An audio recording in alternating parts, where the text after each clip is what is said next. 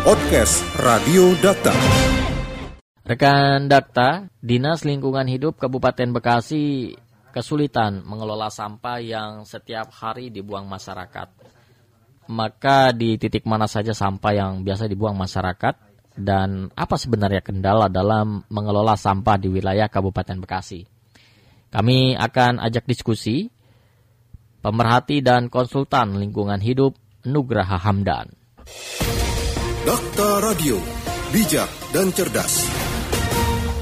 Assalamualaikum Pak Nugraha.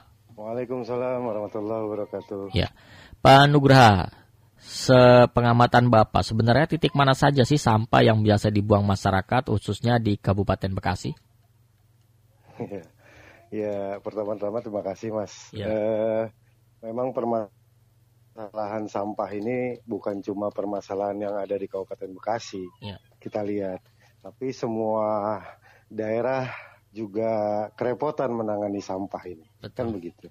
Apalagi di Kabupaten Bekasi dengan kawasan industri terbesar se-Asia Tenggara, eh, tentunya banyak eh, lokasi-lokasi yang dijadikan TPA liar baik oleh eh, apa namanya pengusaha sampah area maupun dari wilayah permukiman yang ada di Kabupaten Bekasi. Ya. Sebenarnya berapa banyak sih sampah yang diproduksi tiap harinya di wilayah Kabupaten Bekasi dan bagaimana kemampuan Pemda untuk membersihkan atau mengangkut sampah tersebut? Berdasarkan kajian Balitbangda, Ya. eh, bahwa sampah yang eh, dihasilkan dari seluruh wilayah Kabupaten Bekasi itu mencapai 2000 ton perharinya, kan gitu. Ya. Tapi eh, kapasitas eh, penampungan Burangkeng sendiri dengan antrian yang ada hari ini karena sudah overload itu hanya maksimal 800 ton yang masuk ke Burangkeng. 800 ton di Burangkeng. Iya, Nah, tapi eh, sampah yang dihasilkan mencapai 2000 ton, maka otomatis eh, ini sampah sisanya ke mana kan gitu. Betul. Maka diinventarisir lebih dari 82 TPA liar yang ada di eh, Kabupaten Bekasi termasuk ada tuh eh, yang cukup besar itu di daerah Cikarang Barat itu di di pinggir Kali Cibel salah satunya Oh. kan gitu. Tapi sebenarnya sumber sampah paling besar di sektor apa Pak untuk wilayah Kabupaten Bekasi? Ya jelas saja permukiman dan pasar masih menyumbang eh, sampah yang eh, cukup besar ya. Tapi sektor industri juga banyak permasalahan di sektor industri. Biasanya begini mas, Ya. sampah area itu dibawa ke ke gudang-gudang eh, mereka yang bisnis di wilayah sampah area, kemudian disortir.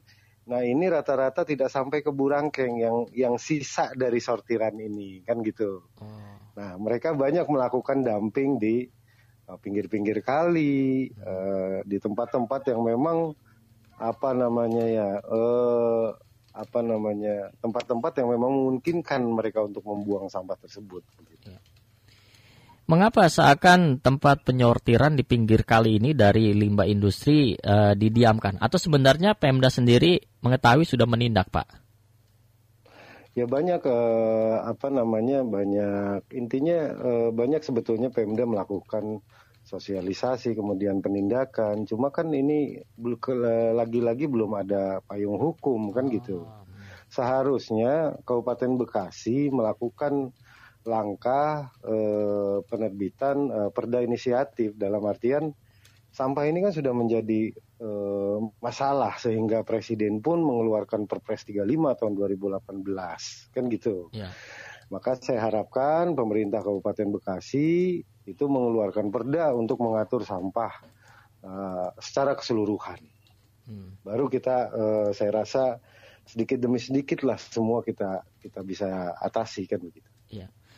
Berbicara tentang perda, seberapa urgen sih adanya perda tentang sampah dan bagaimana untuk eh, wilayah lain di Indonesia? Apakah mereka juga sudah mengeluarkan atau punya perda tersebut? Eh, saya belum lihat ke yang pasti eh, DKI mungkin sudah punya ya. Ya, Pak. Tapi memang eh, DKI sudah punya Hmm. karena sudah sudah saya baca beberapa waktu yang lalu termasuk terkait apa namanya retribusi sampah dan yang lain-lain. Hmm.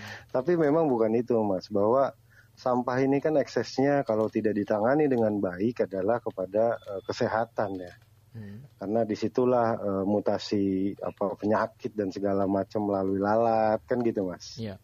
Gitu lah. Baik. Jadi hmm. kalau tidak dimulai dari sekarang maka burangkeng itu akan overload. Apa solusinya apa? Perluasan, pindah lokasi. Kita lihat ya tidak semudah itu gitu kan. Bukan bukan solusi gitu loh mas. Hmm. Baik, jikalau memang DKI sendiri kan uh, punya perda tentang sampah, maka apakah ada inisiatif dari Pemkap Bekasi untuk mungkin studi banding atau ya melihat seperti apa sih perda yang sudah diterapkan uh, di wilayah uh, Pemprov DKI ini? Kita sembah saya dan kawan-kawan uh, penggiat lingkungan hidup sedang yeah. mendorong adanya langkah ada inisiatif dari DPRD kan gitu. Ya, ya mudah-mudahan dalam waktu dekat uh, apa uh, eh, DPRD sudah mengagendakan untuk uh, segera membentuk pansus kan gitu mas. Pansus. Hmm. Oh, oh. Pak kembali ke sektor industri. Sebenarnya bagaimana kedisiplinan pihak industri dalam membuang sekaligus juga mengelola sampah mereka? Ya kalau kita lihat bahwa dari segi dari dari sektor uh, retribusi aja mereka tidak ada, Pak. Oh. Jadi tidak ada retribusi sampah dari industri itu ke yang masuk ke dalam pendapatan asli daerah kabupaten. Ini dulu kan gitu. Hmm. Gitu. Maka uh, apa namanya ini menjadi uh, menjadi satu hal yang agak susah dipantau. Hmm. Kan gitu. Ya masing-masing biasanya di uh, apa namanya diberikan tanggung jawab untuk mengangkut sampah uh, area industri bukan limbah ya tapi sampah area yang memang uh, karyawan habis makan dan segala macamnya kan gitu ya. atau kemasan-kemasan yang uh, apa non ekonomis lah gitu kan ya. itu diberikan kepada pengelola-pengelola limbahnya gitu loh tidak uh, ya mungkin retribusi juga ke mereka kan gitu hmm. tapi masalahnya Eh, ketika ketika uh, mereka melakukan hal semacam demikian tidak ada tanggung jawab hmm. terhadap daerah itu sendiri karena memang tidak ada retribusi mereka berurusan bukan dengan pemerintah daerah tapi dengan si pengusaha tersebut kan gitu mas. Ya. Nah dalam pengelolaan sampah selama ini di Kabupaten Bekasi uh, dimanfaatkan untuk apa saja sih Pak? Ya Ya selama ini ya apa kita kita lihat bahwa semua ter, uh, tersentralisasi dibuang begitu saja kepada uh, ke TPA Burangkeng. Sama saja contoh kita kita lihat sel-sel uh, semacam gerakan-gerakan bank sampah, tapi itu kan juga uh, tidak bisa mengatasi uh, permasalahan sampah yang sedemikian besar mas volumenya kan gitu. Ya.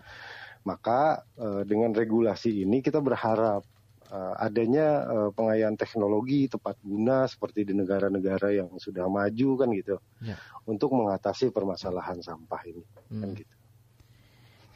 Tapi jikalau memang wacana tersebut sudah ada, nanti pengelolaan sampahnya ini diarahkan untuk apa, Pak?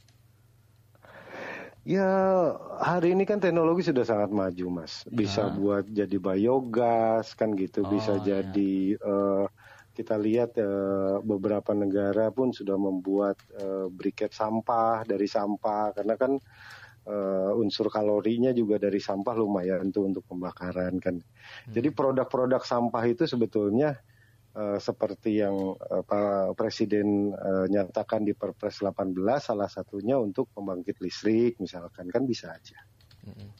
Banyak sekali produk-produk uh, sampah yang hari ini uh, didesain dilahirkan oleh uh, teknologi gitu mas. Ya. Optimiskah Pemda terutama Kabupaten Bekasi uh, bisa menerapkan hal-hal tadi uh, mendaur ulang ataupun mengelola sampah untuk pembangkit listrik ataupun briket dan biogas? Ya harus optimis, terutama kepala daerahnya, hmm. kan gitu. Karena ya. uh, visi Kabupaten Bekasi kan Bekasi baru Bekasi bersih, kan gitu. Ya. Maka visi itu harus dikejar dengan konsep-konsep strategis. Salah satunya bagaimana kebersihan itu ditangani dengan teknologi tepat guna, sistem yang uh, apa namanya yang baik kan pengelolaan yang baik kan gitu ya. regulasi yang tentunya juga disiapkan untuk mengatur semuanya itu hmm. selama ini regulasi yang terkait untuk pengaturan sampah sudah ada atau belum sih pak sebelum uh, berbicara tentang perdanya Ya, saya pikir kita kalau bicara sampah kan ada PP 18 yang memang secara nasional kan gitu Mas. Oh. Tapi kebutuhan daerah ini kan beda-beda. Hmm. Gitu. Kalau nasional kita tidak bisa dong disamakan dengan uh, daerah yang volume sampahnya sehari hanya uh, 50 atau 100 ton kan gitu. Hmm. Nah, uh, secara nasional sudah ada, sudah ada. Hmm. payung hukumnya kan gitu. Tinggal Eh, secara daerah itu disesuaikan dengan kebutuhan daerah yang memang eh, sampah yang dihasilkan di daerah tersebut berbeda-beda volumenya kan begitu. Hmm. Apa kendala yang selama ini dihadapi Kabupaten Bekasi dalam mengelola sampah? Selain tentu kapasitas TPA Burangkeng tadi Pak yang hanya 800 ton. Iya, bukan kapasitas TPA Burangkeng kita kita masuk sehari 800 ton, tapi secara secara volume huh? itu mungkin hanya bisa bertahan sampai tahun depan, Mas. Sudah tidak bisa nampung lagi kan oh, gitu. Iya. Ya, kendalanya ya tentu pertama eh, kita kalau bicara habit atau kebiasaan masyarakat kita yang yang hegemoni ini susah kita ya bicaranya gitu loh. Harus harus harus buang sampah pada tempat Ya ter pertama tentunya uh, infrastruktur tong-tong sampah harus harus harus lebih diperbanyak di di tempat-tempat strategis, ya kan? Ya. Uh, ke kebiasaan, kemudian sarana dan prasarana itu kan runutannya, mas. Ya. Kebiasaan masyarakat, sarana, eh, sarana dan prasarana publik tentang sampah, lalu kemudian jalur koordinasi uh, persampahan, yang ditopang oleh tentunya penguatan melalui regulasi kan gitu. Hmm. Nah berbicara tentang Ini harus kita perbaiki. Iya, berbicara tentang tadi kebiasaan masyarakat.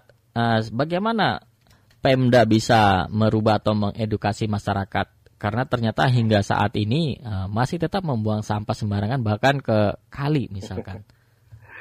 Ya, ya agak sulit karena karena kalau kita bicara eh, apa kebiasaan masyarakat, Mas, pendidikannya itu kalau kita mulai dari sekarang mungkin 10-20 tahun ke depan hmm. hasilnya baru bisa kita nikmati, kan gitu. Hmm.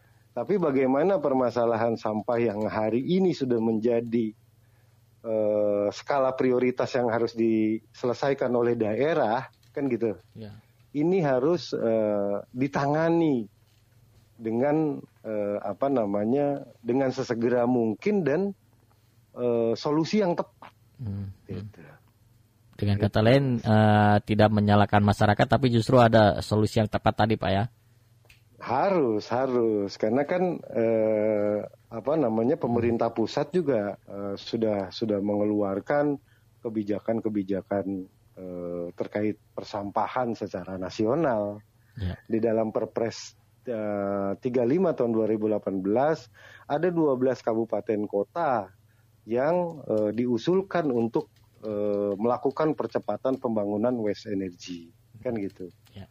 Tapi rata-rata di 12 kabupaten kota itu gagal total. Ah. Kenapa gagal total? Ya. Nah ini sistem kembali lagi kan oh, gitu. Iya iya. Gitu. ya. sistem yang yang memang harus masing-masing uh, daerah punya karakteristik uh, contoh model sampahnya juga berbeda-beda kan begitu. Ya. Itu Mas. Baik. Terakhir Pak yang yang ingin disampaikan kepada masyarakat Kabupaten Bekasi ataupun ya Pemda sendiri untuk penanganan sampah seperti apa?